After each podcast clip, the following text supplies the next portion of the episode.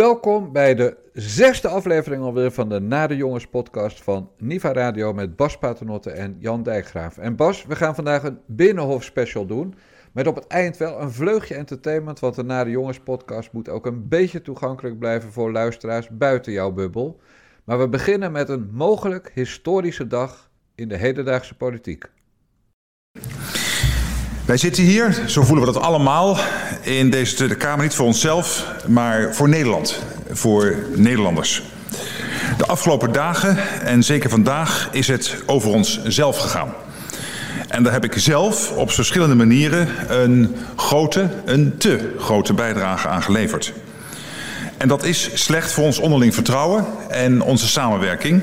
Dat is ook slecht voor het aanzien van de politiek en voor betrokken personen. En ik sprak ook vandaag de hoop uit dat we met dit debat, en dat hoop ik nog steeds, een eerste stap kunnen zetten in het herstel van vertrouwen. Voor mijzelf geldt dat ik daarin een grote verantwoordelijkheid voel. Ik wil daarom hier en nu in deze Kamer excuses aanbieden.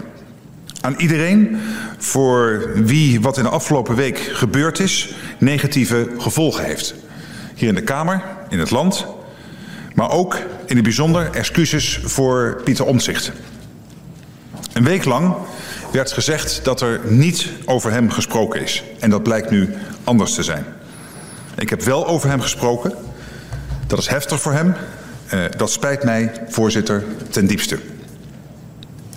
En ik wil ook excuses aanbieden voor het bericht over het telefoontje van vanochtend.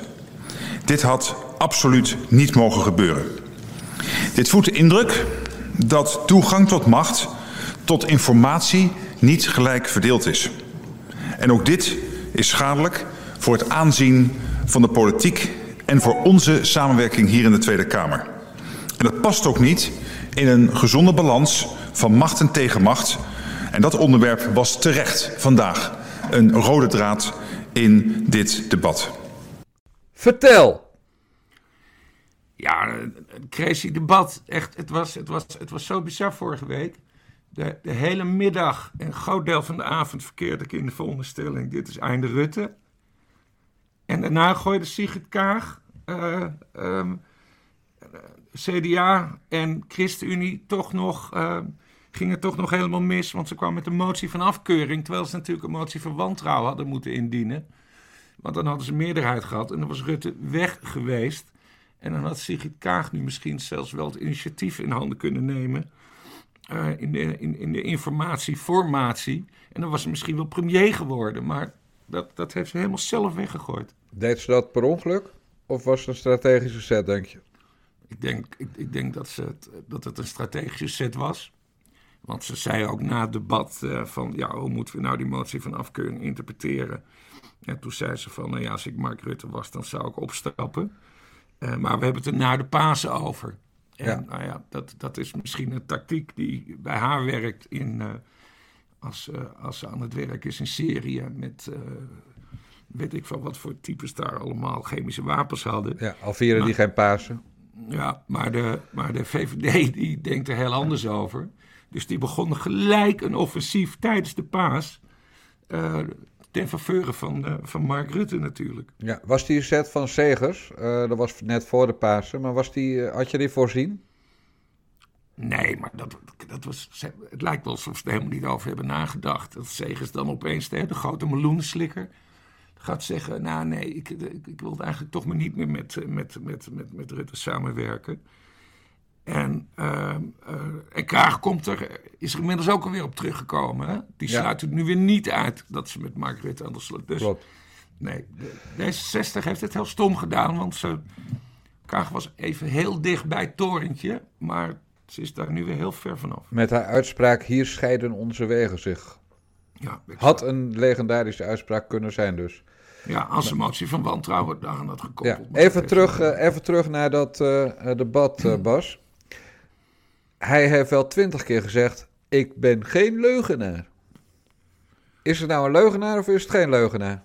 Ja, nou, of, of hij moet zich laten testen op dementie. Of hij is zo erg in zichzelf gaan geloven dat hij echt niet heeft uh, gelogen. Maar hij heeft natuurlijk gelogen. En, en, en een normaal mens die weet, dat, eh, die weet dat ook. En hij heeft niet voor het eerst gelogen, lijkt mij. Nee, hij liegt, hij liegt over Hij alles. liegt alles aan elkaar. Als Ja. Mark Rutte zegt dat hij niet getrouwd is, ja, dan kunnen we dat bij hem bijna niet meer geloven. Ja, dan, dan moeten we ons zorgen gaan maken. Ja, als Maar- hij zegt dat hij, dat hij hetero is, Dan eh, moeten we ons ook zorgen gaan maken. dan moeten we ons sowieso zorgen maken. Dus hij is of een aardsleugenaar, die denkt dat hij overal mee wegkomt. En tot nu toe heeft hij daar ook gelijk in. Hij komt er altijd mee weg. En wint de verkiezingen ermee. Ja, of hij, is een, eh, hij leidt aan eh, dementie. Ja. Of, of Kor- Korsakov kan ook, dat hij te veel zuipt. Nou, het is volgens mij geen grote drinker. Nee, maar dat zegt hij. Ja, ja, ja. dus, is het, dus het is Dus een ja, drinker. het is een alcoholist. ja, ja, Ja. ja. Nee, maar het, het- je zou eigenlijk wel het als serieuze vraag kunnen stellen hoor. Moet die man zich niet een keer laten checken op een, op een, op een ge- geestelijke, geestelijke afwijking als dementie of weet, weet ik veel. Ehm, maar ik kan het me niet voorstellen, want hij is verder altijd heel erg composmentisch en heel coherent. ja.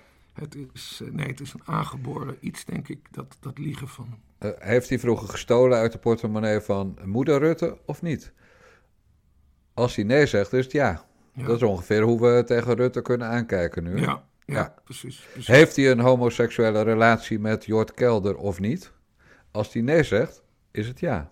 Ja, iemand zou me een keer zulke vragen moeten stellen Ja. misschien. Maar eh, dat zit er niet in. Maar we gaan het straks nog even over die beroepsgroep hebben, de parlementaire journalistiek. Ja. Eh, is Rutte een eurocepticus? Eh, ja of nee? Ja, hij zegt van wel, dus dat is hij niet. En ook dat is weer... Er zijn zoveel voorbeelden waarin Rutte een bewezen leugenaar is. Ja, maar dat zijn twee dingen. Hè? Het zijn dus die leugens, hè, die aantoonbaar zijn. en hij kan heel goed meebuigen. Hè? Hij, hij kan over links, hij kan over rechts. Zoals de wind waait, waait zijn jasje. En dan kan hij dat ook nog eens overtuigend, eh, overtuigend vertellen. Dus dat is een tweede factor die, die meespeelt. Ja, was dit de eerste keer dat jij dacht, nu gaat hij eraan? Ja, dit was de allereerste keer. Ja, en dat was eigenlijk dankzij Kaag dus. De, het nieuwe leiderschap. Ja, dankzij Kaag. Totdat ze het dus verknalden. Ja, maar, verk- maar verknallen? Wat was het verknallen precies? Nou, die motie van afkeuring. Want dat betekent van, nou, ik ben het oneens met je, maar ik geef je nog wel een kans. Terwijl Ja. bij een motie van wantrouwen, waar ze een totaal meerderheid voor hadden. Eh, ja, dan had hij gewoon weg moeten, dan had hij moeten opstappen. En dan, en dan, en dan was hij dus afgetreden als demissionair eh, minister-president. Ja, had hij onmiddellijk vertrokken, moeten vertrekken dus. Dan had hij, dan had hij moeten vertrekken. Ja. En eh, vervolgens waren we in een veel bizarder iets gekomen. Want dan was er een, dan was een vicepremier Hugo de Jonge. Hugo de Jonge, demissionair, interim, minister-president geworden. Ja. Ik weet niet of het gevolgen voor het corona had, aanpak had gehad. Ik denk het niet, want dat faalt toch. Dus slechter Ja. dan het gaat, kan dat al niet.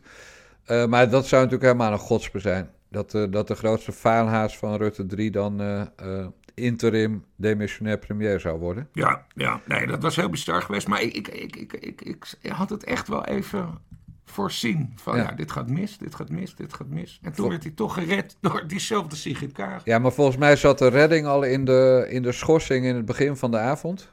Eh, die duurde veel langer dan gedacht. Ook Mhm. die duurde veel langer dan gedacht. Mhm. En daarna zat hij vrij monter in de bankjes. En daarvoor zat hij echt wel sip te kijken. Ja, En, en vermoeid, extreem vermoeid zag hij er opeens uit. En na die schorsing, toen is blijkbaar de deal gesloten van... nou oké, motie van afkeuring, eh, is, druk hem af op zacht papier. Een rolletje, geperforeerde boel. En dan kan ik er lekker mijn reet mee afvegen. ja, Maar dus voor mijn gevoel was het toen wel beklonken. En toen ben ik ook op een gegeven moment maar gaan slapen. Want toen Ja. wist je wel waar het, eh, waar het op uit zou draaien. ja. Eh, vind jij dat partijen die de motie van wantrouwen wel steunden... met enig goed fatsoen wel met hem kunnen gaan werken nu? Ja, maar dat is de politicus eigen. Het zijn allemaal opportunisten. Dus dat. eh, ik, ik weet niet of je dat nu die partijen moet gaan verwijten. Jesse Klaver, die staat nu ook opeens wel open voor samenwerking. Ja, Ploemen. Maar goed, Jesse Klaver. Hoe de fuck is Jesse Klaver inmiddels? Nou ja, Het- SP, SP is volgens mij wel nog. eh, Die heeft nee eh, gezegd. eh, tegen. nou, iedereen behalve die part- eh, om het even exact te zeggen... D66 vindt deze vraag eh, nog niet opportun. Ja. Dat is voor eh, eh, binnenkort vinden we het wel prima. CDA Laat, nou, je hebt natuurlijk dat geweldige offensief gehad van allemaal CDA-mastodonten. Dus CDA laat omzicht weer vallen en gaat gewoon wel. Dan heb je Ploemen en Klaver die hem niet uitsluiten. En natuurlijk Joost Eertmans, uh, die ook weer het vingertje opstak met... onze deur is niet open, onze deur is niet dicht. Maar er heeft nog niemand geklopt. Ja, dat is een schuifdeur dan, hè? Ja, dat denk ik, ja. ja. Maar dat zou natuurlijk ook onbestaanbaar zijn. Lijkt mij. Voor de, ik denk dat de fans van de Nanninga's en de Eertmansen zich dan uh, zwaar in de kuif gepikt zouden voelen. Nou ja, goed. Kijk, jaar 21 heeft vanaf het begin gezegd... we hebben een zeer belangrijke positie in de Eerste Kamer... Uh, en daar kunnen wij voor meerderheden zorgen. En daar, en daar, heb ik ook wel eens over geschreven. Dat betekent dat ze, ook al hebben ze nu maar drie zeteltjes in de Tweede Kamer, uh, dat ze daar wel een zekere leverage mee hebben om bij een mogelijk regeerakkoord ook wat punten van hun erin uh, in te fietsen. Dus ik snap wel dat Eerdmans zich een beetje op de, op de vlakte houdt. Snap je, snap je ook dat iemand zegt: ik kan samenwerken met een leugenaar? Ja, maar het zijn opportunisten. Ja, of zijn allemaal leugenaars. Het is het. Nou ja, de, de, ze liegen altijd een beetje. Er is nog nooit een politicus geweest die niet heeft gelogen. Arjen Rut is daar de absolute koning van. En het is gewoon aan de rest om te kijken in hoever ze daar, daarmee willen gaan. Ja, vanwege mijn voorliefde voor de Duitse taal heb ik me verdiept in de Zuid-Duitse Zeitung. Mm -hmm. En die had een, een commentaar dat er uh, uh, niet om loog. Uh, Nederland, nou, Rutte heeft zeg maar een hele slechte zaak voor Nederland gedaan. En voor de politiek in het algemeen. Rutte is een leugenaar. Rutte moet opzouten. Alleen hij moet zelf nog even aan het idee wennen dat hij moet opzouten. Wat vind je van zo'n commentaar? Die kijken natuurlijk met meer afstand naar, uh, naar jouw bubbel. Ik heb, uh, ik heb echt nul interesse in wat Duitsers van mijn premier vinden. Ja, ja ze zijn wel de baas via Europa. Ja, ja, ja. ja. Nee, ik heb daar een echt nul interesse in. De, hoezo, denk je dat Rutte nog gaat? Of is die gered? Nou ja, alle, de zijnen staan nu op oranje. Voor de Pasen stonden ze op, uh, op rood. Ja, ik, ik, neig dat we nu wel richting groen gaan hoor. Ja, dat hij gewoon een mufje 4 gaat doen. En ja, en, en, als, en als hij dat niet doet, dan zijn er nog alternatieven. En dan, en dan, dan gaat hij misschien wel zelfs gewoon de Tweede Kamer in. Oh, je denkt dat VVD dan niet meedoet? Ja, of dat ze iemand anders naar voren ja. schuiven. Wie zou dat kunnen zijn? Uh, Edith Schippers is ja. de baas bij DSM. Hij heeft ervaring als minister van Volksgezondheid. Is al vaker genoemd als premierskandidaat. Heeft zelf ook een keer gezegd dat ze daar wel voor uh, voelt. Is vrouw. En, en, en, ze is vrouw. Nou, dat zou echt heel grappig zijn. Dan komt er alsnog een vrouw in het torentje. Alleen niet Sigrid Kaag. Ja. Uh, en waar ik over zat na te denken. Jouw oude vriendin Janine Hennis. Ja, maar dat lijkt mij wel een lachertje hoor. Ja, ik, nee, maar wacht even. Hè. Of ze, is dus, ze moest opstappen als minister van Defensie. Over, uh, over dat bombardement in Irak, ja. meen ik. Ja, klopt. Nou, daarna, leugens, leugens. Ja, maar daarna, want dat, dat was ik al helemaal vergeten... maar die vrouw die zit nu al jaren in Bagdad... als vertegenwoordiger van de secretaris-generaal van de Verenigde Naties. Dus dat, dat is op zich wel een cv wat ze heeft opgebouwd. En in het debat ja, ik weet niet, vond jij haar een leider? Nee, ik vond uh, Janine Hennis, uh, uh, zeg maar, een geciviliseerde versie van, van de kakelkippen Dylan en Bente. Mm. als Rutte zei, ga linksaf, dan renden ze linksaf. En als Rutte zei, ho ho, ik zei rechtsaf, dan renden ze rechtsaf. Ja. Dus ik vond haar allesbehalve een leider. ik neem haar ook zeer kwalijk dat ze de traditionele klederdracht draagt als ze daar is. Ja. En dan uh, mij een uh, DM'tje stuurt of een sms'je, dat weet ik niet meer, met, uh, toen ik daar een stukje over had geschreven. Als je het niet begrijpt, wil ik het je nog wel een keer uitleggen. Nou, zo praat je niet tegen een oude man. Zo praat je misschien tegen, tegen je kind, maar niet tegen mij. Nee. dus toen, sindsdien is het ook inderdaad oude vriendin. Maar nee, ik vind er absoluut geen leider. Ik vind er een gopher. Zo, ik weet niet of die term algemeen bekend is, maar go for it. Uh, en dat wordt afgekort gopher. Je kan er prima om een boodschap sturen. Mm. Uh, en dat heeft Rutte heel zijn leven gedaan. Je herinnert je ongetwijfeld nog het debat over uh, de weigerambtenaar. Ja. Dat, dat was natuurlijk een dieptepunt in haar carrière. En, Voorde was dat ze... want dat ging over die weigerambtenaar... waar ze zich altijd fel had tegen Ja, zij was, zij, sterker nog, zij had homo-emancipatie in haar pakket. Ja, Eh, en dat deed ze hartstikke goed. En toen kwam de kwestie van de weigerambtenaar. Mocht een ambtenaar weigeren om homo's te trouwen? En eh, Hennis vond natuurlijk dat, eh, dat de ambtenaar dat absoluut niet mocht. Maar omwille van de coalitie stemden ze, of stemden ze mee in dat, dat de ambtenaar wel mocht weigeren om homo's te trouwen. maar wat was een mooi detail tijdens die stemming? Want die, die herinner ik mij nog. Toen Weet werd ze ik ook wel. in beeld genomen dat ze aan het huilen was. Oh ja, ja. Nou ja, krokodillentranen, Bas. Ja, Ik kan niet anders zeggen. Kijk, en wij kennen Hennis natuurlijk nog uit onze tijd bij HP De Tijd. Toen jij een cover hebt geregeld met haar. ja, Dat was jij boer- toch? Ja, dat, Ja, ze, dat ze de boerka afwierp. Ja, Toen, toen zat ze nog in het Europees Parlement. En toen was ze nog niet zo nauw verbonden aan Mark Rutte. En toen was ze een fel tegenstander van het dragen van de burka. Ja. En als je nu op, op internet gaat zoeken naar die cover van HP De Tijd... en die foto's van Hennis die letterlijk de burka afwerpt... eh, die zijn niet te vinden. nee. Dus die zijn, kan toeval zijn, maar die zijn allemaal van internet verwijderd. En dat zou En dat natuurlijk te maken kunnen hebben met haar verhuizing naar Bagdad. Exact, dat bedenk Ja. ik mij nu ook. Ja, ja jij, jij, jij bent eigenlijk nu ook een complotdenker, dus het is fijn dat ik je betrapt heb. Maar nee, dat, ik denk wel dat dat zo is. Dat op het moment dat iemand eh, in Bagdad een functie gaat eh, bekleden waarin ze uitgerekend de boerka moet dragen, Ja. of boerka niet, maar in elk geval de, de klederdracht met het hoofddoekje dat die blonde maan eh, verbergt. Ja, op dat moment verdwijnen die foto's van internet. En dat is volgens mij, ja, ik bedoel, ik heb ook wel eens iets van internet laten gooien. Dat kan je gewoon vragen. Ja, het, wa het was wel grappig trouwens. Weet jij nog welk jaar dat was? Die burka. Ja. Nou ja, je weet dat ik overal heel kort werk, dus dit moet 2009 geweest zijn.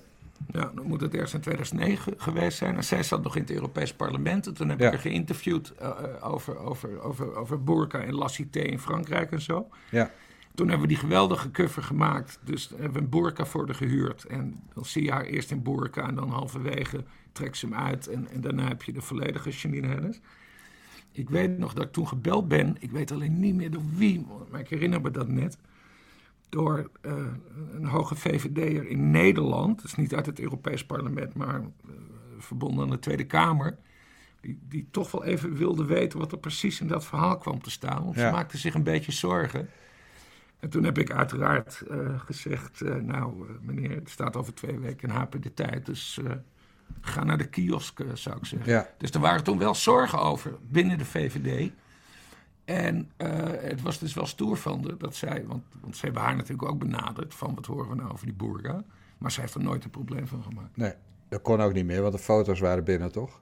Ja, dat is ook waar. Misschien wel goed voor de luisteraars die de HP gemist hebben, en dat zijn er 99,9 van de 100, dat onder die burka wel gewoon normale kleding zat. Dus het Ja, was ze was niet... naakt. Precies. niet naakt. We hebben, dus, we, we hebben dus niet gezien of Janine pigmentverwend is of juist een hele witte huid heeft. Waarschijnlijk eh, kwam er een heel bleek vrouwtje onder vandaan als ze geen kleding had gehad. Maar het was, het was alleen maar eh, voor het poseren. Ze, ze was niet naakt. En, en eh, vergeet niet, HP de tijd, wij waren een deftig blad. Hè. We waren niet de panorama. Keurig blad was het, ja, toen. Vooral toen. Daarnaast een beetje ordinair geworden allemaal, maar... maar toen was het een heel net blad. En het was ook de- natuurlijk met de jaren van de undercover bij de PVV, hè? Dat was eh, begin 2010, als ik het goed heb. Ja, geweldig. Ja. En, eh, en de PVV werd toen gezien door de verslaggever die er drie maanden had rondgelopen... als een keurige, degelijke, saaie partij waar geen reet gebeurde. Nee, er kwam ook helemaal geen hard nieuws uit. Nee. Het was ook zo kostelijk. Ja, dat Want was we- heel grappig. De bedoeling was, eh, de bedoeling was natuurlijk dat we zouden aantonen dat het allemaal nazi's waren. Ja. Maar het bleek heel, eh, ja, wel strak geleiden, maar eh, ja, nee, weinig bijzonders kwam eruit. Ja, klopt. Maar, Maar het he- was wel gaaf dat we het hebben gedaan. Hè? Precies, ja, het was ook het was, eh, het was zeg, zeg maar de, de beste verkoop van de tijd dat ik er zat. Twee weken achter elkaar, dus dat, uiteindelijk ging het daar natuurlijk gewoon om. Ik weet dat het boerka-nummer van Hennis heeft niet eens bijzonder verkocht. Maar Hennis is dus geen premiermateriaal, vind ik. En Schippers denk ik wel. Ja. Eh, maar het, het is bij Hennis ook weer niet zo erg dat ik zeg, net als bij Kaag, als zij eh, premier wordt, ga ik verhuizen. Dat heb ik bij Kaag wel. Dan, eh, dan is deze jongen zo snel mogelijk naar het buitenland. Ja, Want dat lijkt me een drama. En Dijkhoff, is dat wat? Kan dat nog? ja, die heeft natuurlijk wel ambities, denk ik. Ja. Niet meer als Kamerlid, maar misschien als minister. En, ja, en premier, minister-president, dat is natuurlijk voor een, een politicus. Ik denk dat er geen politicus is die geen premier wil worden. tenzij je heel erg uh, bekend bent met je eigen tekortkoming of zo. Maar Klaas Dijkhoff was premier, ja. Maar hij is Brabander toch? Of Limburg? Nee, Brabander. Brabander ja. ik, ik, ik, hou niet van dat laconieke. Maar ja, misschien kan hij ook. Maar Edith Schippers, dat, dat zou gewoon mooi ironisch zijn. Eh, dat, uh, dat Sigrid Kaag het torentje in wilde en dat het toch een vrouw werd. En uh, dat het Edith Schippers werd van de VVD. Hey, het feit dat al die, dat al die prominenten, dat die er nu zeg maar uit, uit de kast werden gehaald om Rutte te redden. En de huidige Kamerleden vooral allemaal hun bek houden. En, en mensen met een positie zoals Nijpels ook hun bek houden. Betekent dat dat ze stiekem toch een beetje rekening houden met, met het vertrek van Rutte? Dat dat wel op wordt voorgesorteerd? Of, houden ze, of denk jij dat ze bij de VVD echt denken dat ze dit wel weer gaan redden? En ook dachten de afgelopen dagen. Nou, die, qua stoet prominente bedoel je? Ja? De Bolkensteintjes? Ja, nee, maar, nee, maar dat, dat is allemaal strategie. Dus we gaan, eerst, we gaan eerst allemaal Mark verdedigen. En daarna zien we verder. Ja, daarna laten we hem vallen als een baksteen, zoals hij dat bij tien mensen ook heeft gedaan. Nou ja, ze, ze, gaan kijken wat er gebeurt. En we zien dat nu een beetje ontwikkelen. Hè, daar hebben we het net over gehad. Ja. Dat, dat, al die mensen die, tegen die, motie, die voor die motie van wantrouwen waren... nu toch weer een beetje terugkabbelen. Eh, nou, en dan, gaat, en dan gaan ze daar hun nieuwe strategie op, uh, op bepalen. Ja. Bij al die prominenten waren er twee mensen die mij opvielen. De eerste was Annemarie Jorritsma. Die had net de grootste faal van haar carrière achter de rug. Althans, buiten het criminele circuit eh, van de, van de bouwwereld. Maar de grootste faal achter de rug met, dat, uh, dat, met die verkennersperiode. En toen gingen de jongeren van de ChristenUnie roepen dat, uh, dat er niet meer met Rutte moest worden samengewerkt. En toen kwam ze met zo'n reactie van, van waar bemoeien die snotneuzen zich mee? De man heeft 1,9 miljoen voorkeurstemmen, noemde ze het ook, uh, gekregen. Terwijl hij dat natuurlijk helemaal niet heeft gehad. Hij stond gewoon nummer 1 op de lijst. Uh, maar die vond ik wel vrij brutaal. Dat, dat zij die grote smoel nog een keer open durfde te doen. Terwijl ze eigenlijk mede verantwoordelijk was voor de faal. En ook leed aan, de, aan Korsakoff of een andere ziekte in haar hoofd. Ze wist namelijk ook niet meer dat het over omzicht was gegaan. Waar ik eigenlijk het allerhardst om heb gelachen. was natuurlijk deze gozer. Kijk, het fijne van Mark is. die heeft de baan die die, die het liefst wil hebben. En er is niemand die het beter kan. Momenteel. Uh, en iedereen vraagt zich altijd af: ja, maar heeft hij dan niet iemand thuis? Hij is getrouwd met het land. Hij is getrouwd met ons. Dus laten we nou allemaal heel erg blij zijn dat hij door wil. Ja, Bas, dit, dit was natuurlijk het echte dieptepunt. Dat je Frits Hufnagel nodig hebt en inzet om je nek te redden. Ik bedoel, Jan Driessen, dat snap ik nog, hè? Dat is nog uh, een man die een nette kerel lijkt, uiterlijk. Het is ongeveer de grootste rat die er rondloopt uh, rond de VVD. En het zal altijd een man blijven die Camille Eurlings uh, tot op het laatst verdedigde. En die nog altijd beweert, hij is niet veroordeeld voor het slaan van zijn verloofde. Dus heeft hij zijn verloofde niet geslagen. Terwijl we allemaal weten dat er een deeltje is gesloten. Dus dat is gewoon een rat. Maar dat je een randebiel, een zuipschuit een smerige lobbyist die zijn column in de Telegraaf misbruikt om te lobbyen voor de casino-sector, dat je die inzet om je nek te redden, dat vond ik wel heel erg lachwekkend. Frits Hoefnagel is echt een soort B-categorie VVD. Ik vind, hij heeft iets ordinairs, hij heeft iets, iets, ik vind hem ook niet heel erg slim. Ik, oh man, ja, die column, waar ging die column alweer over in de Telegraaf? Ja, hij vond toen dat uh, casino's... Uh, oh ja, en hij was, lobby, hij was lobbyist van ja. de casino En dat stond er niet bij. En dat was, was gek genoeg wel zijn laatste column. Hij is nooit officieel ontslagen, maar ook niet meer teruggekeerd. Ja. Maar de Telegraaf is natuurlijk qua columnisten toch een beetje raar bezig. Want Asjan Elian, zijn zoontje, zit nu voor de VVD in de Tweede Kamer. En die is opeens ook 100% Rutte. En uh, dan kan hij wel zeggen, ik schrijf al twintig jaar essays en columns. Maar hij is niet al twintig jaar 100% VVD of Rutte. Kijk, ik, ik zeg dan tegen die, die Elian van... joh, als mijn zoontje bij Feyenoord zou voetballen... Uh, wat niet zo is helaas... maar stel dat mijn zoon bij Feyenoord zou voetballen... en ik was sportverslaggever... dan zou ik een andere tak van sport gaan kiezen. Ja. Want je kan niet objectief schrijven over een sector waar je zoon in werkt... omdat vaderliefde het altijd zal winnen van je objectiviteit, denk ja. ik. Nou, ik vind dat dat wel kan, maar je, je, moet, je moet alleen dan niet specifiek over, over de partij van je zoon gaan schrijven. Op punten waar je zoon eh, het woord voert. En ik, weet niet helemaal, ik weet helemaal niet wat de, de portefeuille, of die portefeuille Heeft hij nog helemaal zijn. niet. Nee, heeft hij Nee, nog heeft niet. hij, heeft, hij, heeft hij nog niet. Maar dat maakt toch niet uit. Moet Je- je- maar goed, nee, maar kijk, ik heb ook een, neefje die eh, Tweede Kamerlid is, eh, Jan, Jan Paternotte. Ja, daar schrijf, daar schrijf ik in principe gewoon niet over. En, en zo houden we, het, eh, houden we het helder. Ja, maar dat is toch een ander verhaal dan je zoon, hoor. Ik bedoel, een neefje, ja, weet je, eh Sylvana Simons, die kan dan over Surinamers niks meer zeggen, want daar is iedereen neef en nicht van elkaar, of achterneef en achternicht. Nee, het gaat puur om je kind. En, en jouw argumentatie gaat ook niet helemaal op als, als het daarom gaat. Want als mijn zoon bij Feyenoord keeper zou zijn, kan ik niet zeggen, ik schrijf alleen nog maar over die tien andere spelers in het veld en ik schrijf niet over de keeper. Nee, je bent gewoon besmet. En ook al probeer je objectief te zijn, het kan gewoon niet. Kijk, er komt natuurlijk misschien ooit een moment dat die zoon ook echt in het nieuws komt. Ik denk het niet, maar het kan. Ja, dan, dan is het duidelijk dat hij daar niet over zal schrijven. Maar je bent gewoon biased op het moment dat je, eh, dat je zoon in de Tweede Kamer zit voor de VVD.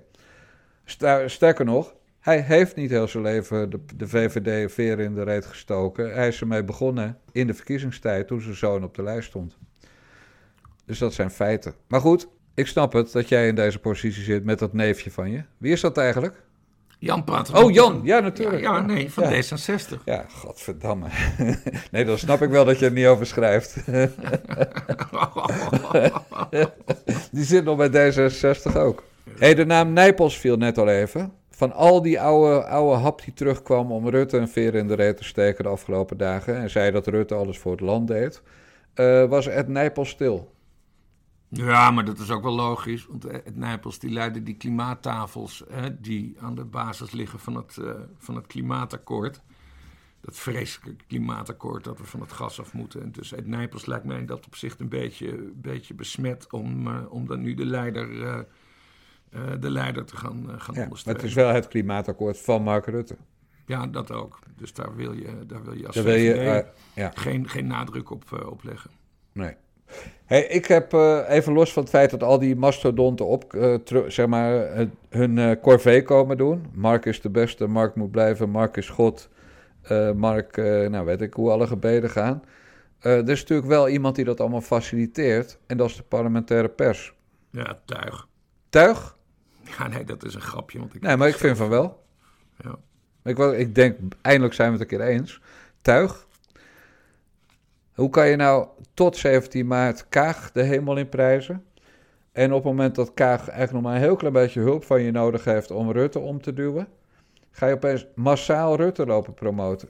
Ik snap dat niet. Je kan toch ook niet opnemen als de mannetjesmakers van de VVD bellen of sms'en of appen met wil jij Melanie Schulz hebben? Wil jij Henk Kamp hebben? Wil jij Uri Rosenthal? Eh, Zo heet hij toch? Ja. Ja. Die, die man die, die heeft eh lijm aan de stoel bij WNL. Je kan toch ook nee zeggen? Je hoeft toch niet mee te werken aan een witwascampagne van Mark Rutte? Kijk, ik heb van eind 2002 tot en met eind 2009, dus de zeven jaar, heb ik in de Tweede Kamer gewerkt als, als parlementair verslaggever voor, voor, voor, voor, voor jou en andere media. En, eh, eh, de- het, het is een spel wat daar wordt gespeeld. Soms moet je, het gaat om, het gaat om goed contact houden met partijen, want dan krijg je nieuws. Ja, logisch. Tegelijkertijd wil je heel kritisch zijn. Voor de een is dat makkelijker dan voor de ander. Voor mij was het redelijk eenvoudig. Want ik werkte voor, voor, voor, voor Metro. En dat werd aan de ene kant gezien als ja, toch eh, dat rare eh, gratis krantje.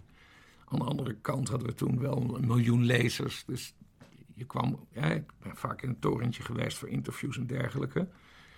Ehm, maar je hebt ook bijvoorbeeld NOS-types die.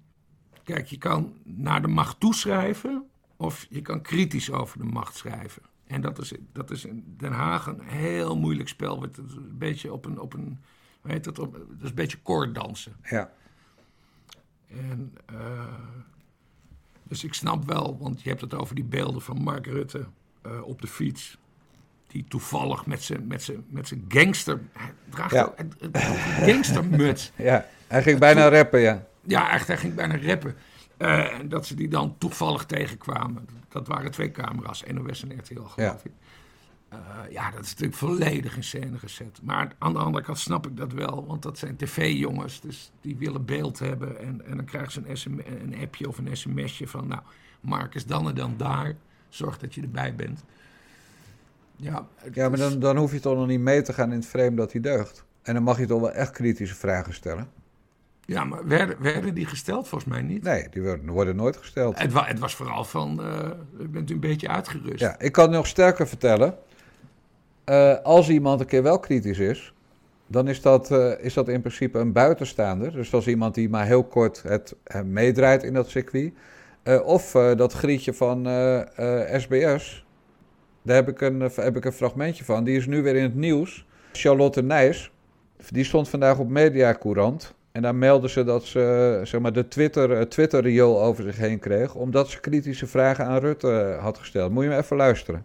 Juist. Tegelijkertijd is op rijksoverheid.nl te lezen dat het vrijdagavond ingaat. Uitgaande van een debat vandaag, maar dat is, zoals u weet, een half uur geleden verschoven naar morgen. Dat staat er niet, dus dan hoop je maar dat iedereen dat goed begrijpt. Maar sowieso gaat de avondklok alleen er komen als wij ook in de Kamer daar consent over hebben. Ook dat staat niet op Rijksoverheid. Dan gaan we dat allemaal toevoegen. Ja, het is toch hè, boodschap aan alles en iedereen. Dus dan weten we eigenlijk morgen na het debat wanneer die echt in zou Dat is de democratie. Dit is een grote maatregel, daar willen wij echt ook de Tweede ja, Kamer mee. Nou, voorheen gingen maatregelen gewoon in. Ik heb net uitgelegd dat wij altijd het, het voornemen hadden bij de deze Kamer grote instemming later. Oké, dat is een nieuwe manier. Ja, ik vind het eerlijk gezegd, Bas, geen hele brutale vragen van haar. Eh, ze, wordt, uh, ze constateert dat op die website van rijksoverheid.nl, dat ging toen uiteraard over corona, dat daar wat dingen niet deugen. En daar confronteert ze Rutte mee. En hij onderbreekt haar een paar keer en zij onderbreekt hem een paar keer. Maar zij valt dus op als een zeer kritische verslaggever in dat parlementaire circuit. Ja, terwijl al die anderen, die laten... Ik bedoel, Hugo de Jonge, die faalt alweer weken opzichtig met corona. Ja, ik hoor de parlementaire pers hem niet uh, bij zijn enkels afzagen, eerlijk gezegd. Uh, ja, nee, maar dat is wel grappig. Dat is dus Charlotte Nijs. En die werkt voor SBS 6 Hart van Nederland. Uh, die zit er trouwens al heel lang op het, op het Binnenhof. volgens mij sinds begin 2000. Want zo ken ik ook Remco Teulings die, uh, toen ik in Den Haag zat, was hij ook verslaggever van uh, uh, SBS 6. Hij zit nu bij een vandaag. En ja, die, dan, die kijken toch met een zekere distantie, ook al zijn ze embedded op dat Binnenhof, kijken toch met een zekere distantie naar dat hele politieke spel. Dus daarom, ik, vind ik het wel mooi van die, van die Nijs. Uh, maar, da, maar, gaat ze dan zeuren? Uh, dat ja, dat is weer minder. Ja, ze ja, gaat zeuren over het Twitter-reel. Ja, dan ben je echt... Ja. Ja, dat is jammer. En dat, en dat doet ze dan ook, ook maanden later. Maar kijk, dat, dat, is, uh, dat is zwaar minpunt. Maar het feit dat zij opvalt door kritische vragen te stellen. En door niet alles voor zoete koek te slikken. Ja, dat, dat is natuurlijk tekenend voor die hele wereld. En ik weet dat jij sommige van die lui heel hoog hebt zitten. Bijvoorbeeld de Wouter de Winter. Maar die zit ook alweer een paar dagen lippendienst aan Mark Rutte te verlenen. Ja, ik vind dat gênant. Ja, nee, maar dat, dat, dat is dus dat, dat, dat, dat vinkertouw waar je op zit. Wouter de Winter die is wel extreem goed geïnformeerd. Die weet zelfs uh, bijna letterlijk uit de ministerraad te citeren. En, maar ja, goed, de, VV, de Telegraaf die moet uiteindelijk altijd kiezen voor de VVD als het, als het, als het, uh, als het heel erg slecht gaat. Dus dat begrijp ik ook wel als, als, als, als krant. Maar ja, dat, dat is het probleem van die, van die stolp. Maar je kan ook niet permanent externe journalisten er neerzetten, want die hebben te weinig kennis en die hebben geen contacten. Nee, dus die zouden gebruik moeten maken van de kennis van die mensen die er al jaren zitten. Maar waar zit dan de goede mix? Welk, welke krant, welke omroep heeft een goede mix van mensen die ervaren zijn en zeg maar die het glijmiddel hanteren? Uh, en mensen die echt kritisch zijn en gewoon keihard erin gaan. Nou, die zie ik niet. Nee. En, misschien kan dat ook helemaal niet. Misschien lukt je dat niet. Dat kan. En dat betekent eigenlijk dat het een, dat een, zeg maar een hele smerige tak van journalistiek is. Waar je, als je echt wat kan, ook gewoon niet wil zitten. Nou ja, nog lager is de sportjournalistiek. Nee, nee, nee. nee, nee, nee. nee, daar heb je gelijk in, want daar geldt natuurlijk precies hetzelfde. Ja, Kijk, bij Rutte kan je denk ik nog wel toegang tot de wekelijkse persconferentie afdwingen. Maar Ajax kan je er gewoon uitzetten. En trouwens, dat is mij bij het Nederlands elftal overkomen, Bas, zoals je weet. Uh, dus Ik Ja, vind maar dat is, prima. dus nog, dat is dus nog erger. Want, want volgens mij is nog nooit iemand de, toegang eh, tot de persconferentie van de minister. Maar misschien wel tot de mogelijkheid om vragen te stellen. Nee, Nee? Iedereen kan aan de beurt komen. iedereen, iedereen kan aan de beurt komen. Ja. Ja. Nou ja, goed. Dus dan, is, dan ben ik het met je eens. De sportjournalistiek is nog erger. Ja. Klopt. hey, eh, het is bijna zover. Vorige week hadden we het nog over het woord Ariep, de nieuwe voorzitter. En Bosma wilde ik graag, maar die wilde jij niet. Ik zal nog even een heel klein stukje doen met Bosma als voorzitter. 4 juli 2019. Het gaat een hele lange dag worden vandaag. We nemen er goed de tijd voor. Er zijn geen berichten van verhindering. Een hartelijk woord van welkom aan minister De Jonge. Ik begrijp dat hij ook na middernacht hier zijn opwachting nog eh, gaat maken. Nou, dat wist u nog niet. Nou, dan... Nee, thuis weet ik bel wel even zo.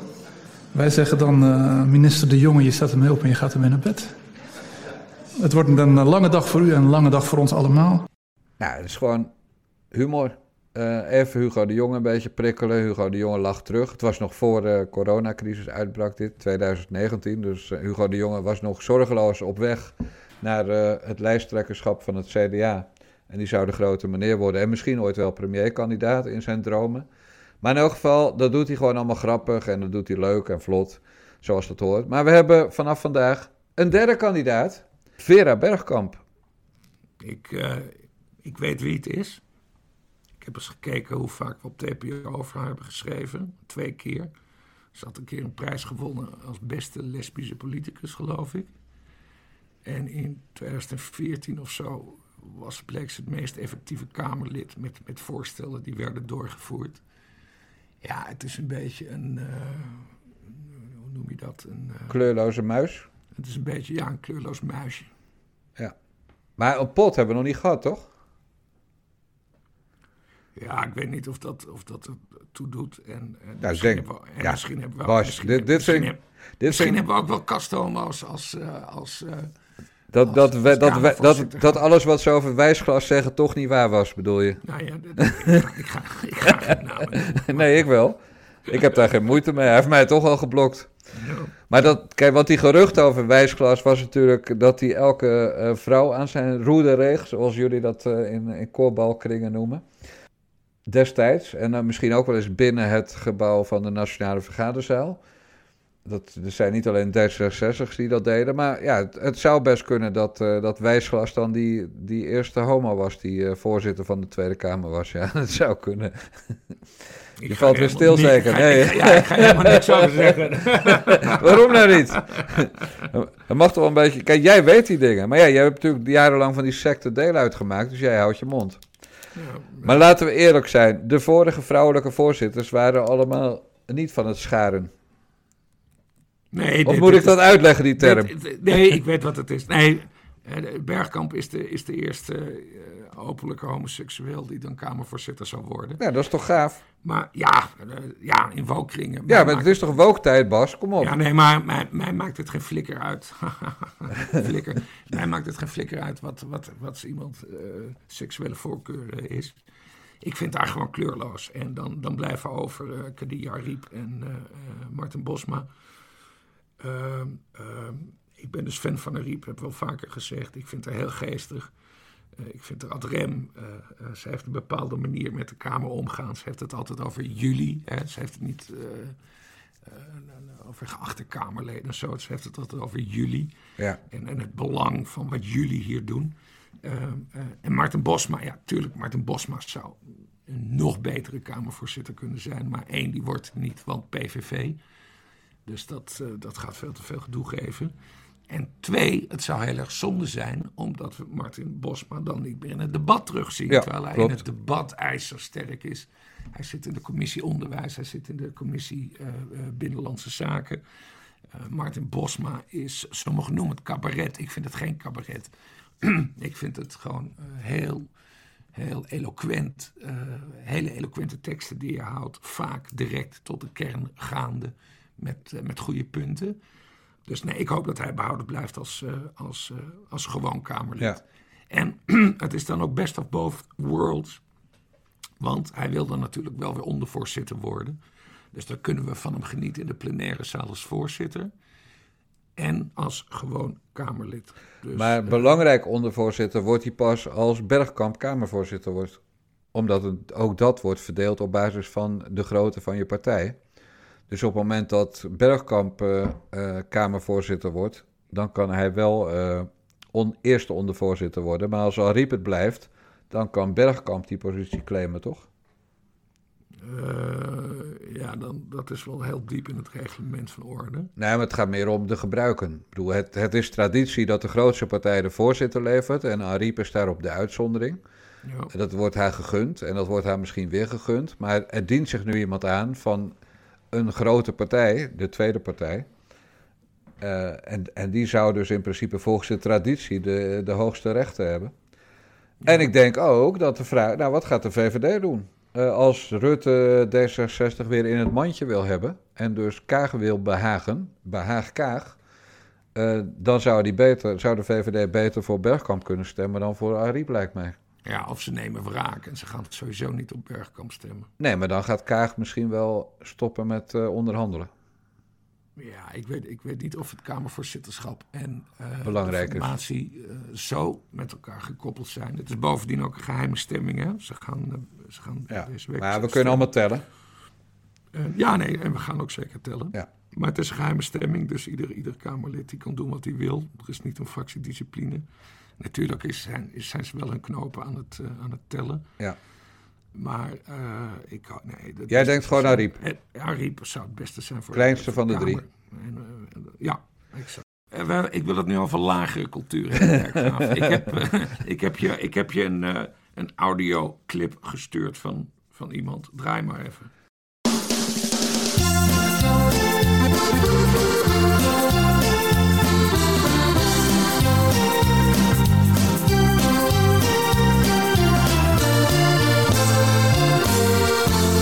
S'avonds laat je mij alleen. Ik heb dan niemand om me heen. Rook mijn laatste sigaret. Dan ga ik alleen naar bed. Mijn gedachten doen zo'n pijn. Waar zou jij vanavond zijn? Is al twee uur in de nacht. En ik die op je wacht. Jij denkt maar dat je alles mag van mij. Ik zit hier in een kooi en jij bent vrij. Wat ben ik toch stom dat ik maar wacht. Ja, wachten doe ik steeds de hele nacht. Jij denkt maar dat je alles mag van mij. Maar dat is nou vannacht voorgoed voorbij. Ja, waarom gooi je dat er nou weer in, man? Frans-Duits. Ik had nog nooit van Frans-Duits gehoord. Hè. Qua levenslied ben ik een man van, eh, van Dries Rolfink. Die ken ik ook goed. Dat is een van mijn weinige eh, beroemde kennissen. Maar ik las over die Duits dat hij een mediastorm over zich heen heeft gekregen. Omdat hij een sportwagen van 300.000 euro heeft gekocht. En nu zijn er mensen boos dat hij één, zo'n dure auto heeft gekocht. Twee, dat hij die tonnen ook aan goede doelen had kunnen geven.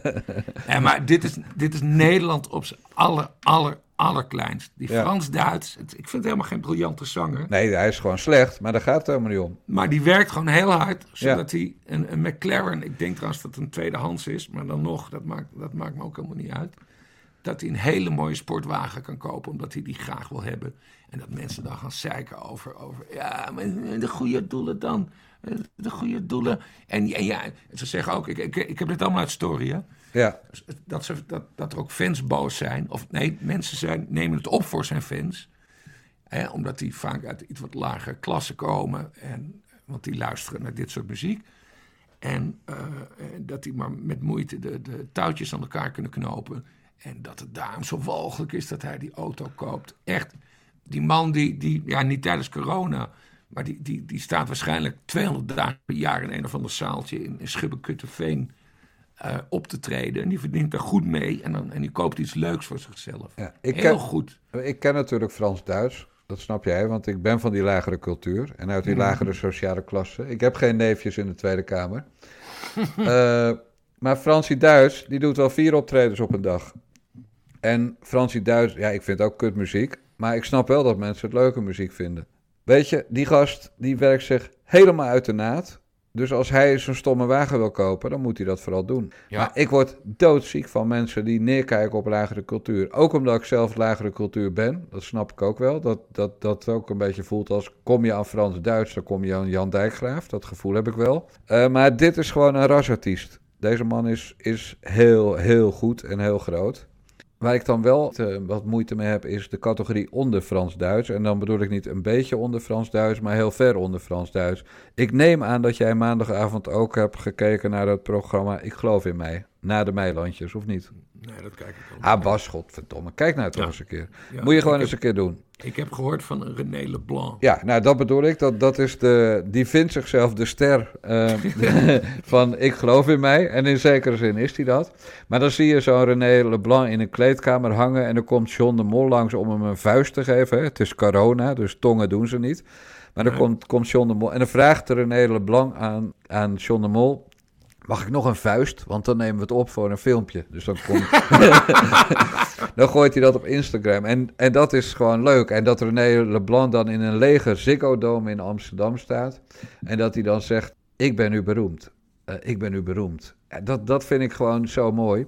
Ehm, maar de categorie daaronder, en die zit ook in dat programma, die, die is eigenlijk het best, eh, eh, wordt die vertegenwoordigd door een Rutger van Barneveld. Rutger van Barneveld, als het gaat om laag, heeft, heeft echt alles mee. Hè? Rutger van Rutger Kastricum en van Barneveld van Raymond van Barneveld, die, die darter. De dart, eh. Ja, zeg maar, dat, dat zijn allebei jongens met een minderwaardigheidscomplex die groot zijn geworden door een zeker talent. Nou, Rutger van Barneveld die woont in, op een kamp, in een woonwagen, of een camping moet ik zeggen, in een woonwagen. En Rutger van Barneveld had een meet and greet cadeau gedaan op 3FM of een van die andere zenders waar niemand meer naar luistert. Eh, drie meet and greets cadeau gedaan in zijn caravan voor fans. En toen werden er broodjes eh, besteld, catering noemen ze dat dan. Dus er kwam een schaal met, met, met boterhammen, met kaas en ham. En hij hing dus uit de deur van die caravan, omdat zijn, gast, zijn eerste gasten, die kwamen maar niet. Dus hij geeft dan drie meet and greets weg aan zijn fans, denkt hij. En de eerste winnaar, die komt gewoon niet opdagen. Ja, dat is hilarische tv. En dan, dan de tweede, die komen wel opdagen. En dan gaat hij op zijn telefoon gaat hij dan een, eh, zijn singeltje af, eh, afspelen. Dan gaat hij meezingen. Twee van die jongens, die gaan dan ook een beetje half meezingen.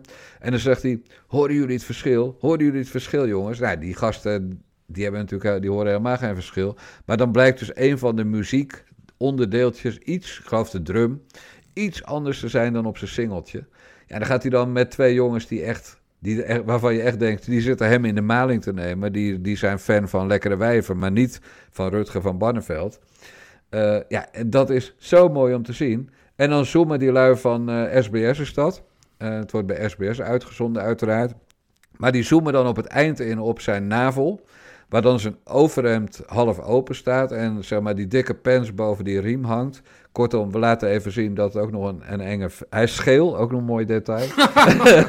maar alles aan Rutger van Barneveld is zielig.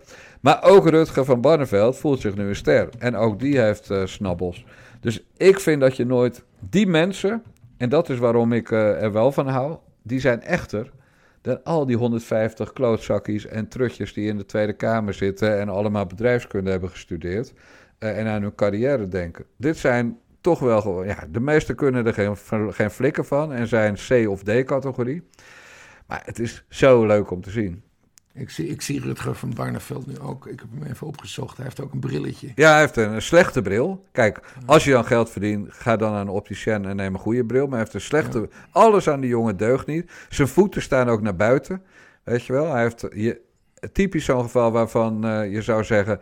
had nou als ouders dat ventje steunzolen gegeven, of tenminste goede schoenen, hè, en niet van die dingen van de Zeeman van 2,99. Ja. Dan had hij misschien niet van die ingezakte knieën gehad en had hem gezond eten gegeven en had hij niet zo'n zo'n ongelooflijk dikke pens gehad.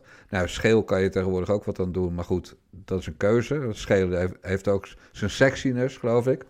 Uh, maar, maar, alles aan die jongen is zielig. Ja, en dan woont dat natuurlijk in een woonwagen die is ingericht als een soort kantine van, uh, van, van op een bouwterrein. Uh, er zit een play in en, er, en er staat een bank in en een tafel en that's it. Ja, het is gewoon heerlijke tv, Bas. Veel mooier ja. dan een debat met Rutte en Kaag, moet je vertellen. Ja, maar welke categorie is Frans-Duits dan qua BN'er? Want, want... Nee, dat is, dat is B. Die is B. Ja, want kijk, dat circuit van Frans-Duits, Frans ja, die, die zetten gigantisch veel geld om. Die doen inderdaad drie, vier optredens in normale tijden op een dag. Werken zich helemaal uit de naad. En uh, ja, dan, dan, pakken ze wel een duizendje of vijf tot tien ja. per, uh, per gig. En, en zijn, we het, zijn we het eens dat Dries Rolfink, waar ik dus fan van ben, uh, dat die categorie A is? Nee, die is, nee zeker niet. Kijk, jij weet dat ik met Dries nog wel eens een duet heb gezongen. Althans, ik stond naast hem en ik had ook een microfoon vast. Ja. Uh, nee, maar Dries, uh, met Dries hoeven we geen medelijden te hebben. Behalve dan misschien vanwege het feit dat hij een paar van, van die vreselijk niet ambitieuze kinderen heeft. maar Dries, die heeft zijn zaakjes heel goed voor elkaar. En, ja, ja. en, en Dries heeft, zoals je weet, altijd zijn uitsmijter bij zich. Die, die oude chauffeur van hem. Ik weet niet of hij nog leeft. Maar in geval... Gunther. Gunther. Ja, precies. Ja. ja. dus jij hebt een hekel aan Duitsers, maar die... Uh, uh, voor nee, die... Gunther is een goeie. dat Gunther bedoel ik. Zie je ja. wel? Er zijn altijd uitzonderingen. nee, Dries is natuurlijk in dezelfde categorie als Frans-Duits. Maar ik denk dat Frans-Duits meer werk heeft, eerlijk gezegd, in goede tijden. Ja, verder, het, het heeft iets treurigs.